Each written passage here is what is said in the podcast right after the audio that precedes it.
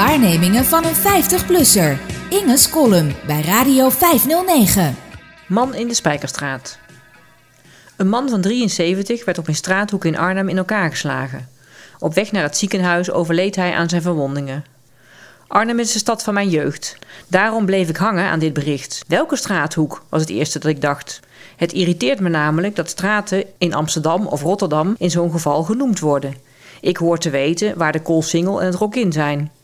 Maar als het om provinciesteden gaat, worden nooit straatnamen genoemd, omdat journalisten denken dat niemand die kent. Het ging om de Spijkerstraat, zo bleek later. Een straat die zelfs buiten de regio Arnhem enige bekendheid heeft vanwege het gelijknamige kwartier. Een man was daar door een aantal jongens mishandeld. Waarom precies was niet direct duidelijk, maar al snel werd bekend dat de man homo was, dus daar zou het iets mee van doen hebben. En nog weer later bleek dat deze jongens zogenaamde pedojagers waren. Dat schijnt veel voor te komen op het moment, mede veroorzaakt door de coronaverveling. Mensen gaan dan achter hun laptop zitten en op internet op zoek naar personen die belangstelling hebben voor jonge kinderen. Men doet zich voor als een minderjarige en verleidt de man, want dat is het toch meestal, tot een afspraakje, ergens buiten.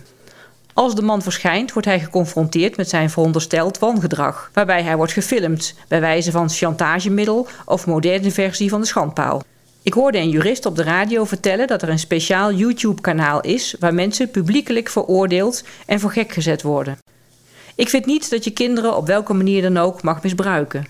Mensen die beweren dat een negenjarige seks heel fijn vindt, zijn niet goed bij hun hoofd. Maar deze manier van openbare terechtstelling door boze burgers, van mensen van wie absoluut niet is bewezen dat ze iets strafbaars hebben gedaan of zouden willen doen, vind ik schokkend. Sterker, het maakt me doodbang. Want wat staat ons te wachten als we geen politie, openbaar ministerie en rechters meer nodig hebben om iemand te vervolgen, te veroordelen of vrij te spreken? Met een land waarin je zomaar op straat geconfronteerd kunt worden met een grote bek, een camera of zelfs fysiek geweld, zonder dat je je daartegen kunt verweren, wil ik niets te maken hebben.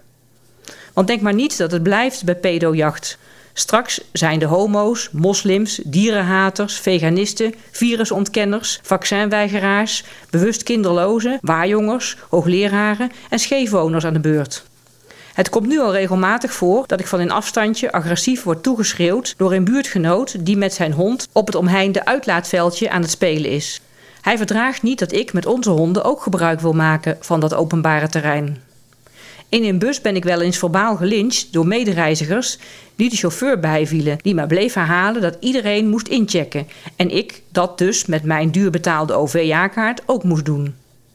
Dan hoor je al heel snel, dat geldt ook voor jou. Bij voorbaat bang dat jij je als afwijkende, want in het bezit van een handicap, zou kunnen verbeelden boven de wet te staan. Mensen verdragen niet dat je je anders gedraagt, je verzet, kritisch bent. In deze tijd van het slaafsvolgen van het ene onnavolgbare coronaregeltje naar het andere is dat helemaal not done. Terug naar de Spijkerstraat. De man die daar werd doodgeslagen omdat een paar jongens vonden dat hij iets wilde doen wat niet mag, kende ik. Het was een leraar van de school waar ik de MAVO deed. Hij gaf economie. Ik zat een jaar bij hem in de klas voordat ik economie liet vallen. Destijds was hij begin dertig, een vader van drie jonge kinderen. Een netjes geklede, onopvallende man. Niet het type leraar waarover je jaren later nog hilarische herinneringen ophaalt. Later kwam hij uit de kast en verliet zijn gezin in het chique Roosendaal om in het anonieme, tolerante spijkerkwartier in de stad te gaan wonen. Daar werd hij midden op straat terechtgesteld. Dat gebeurde in 2020 in Nederland.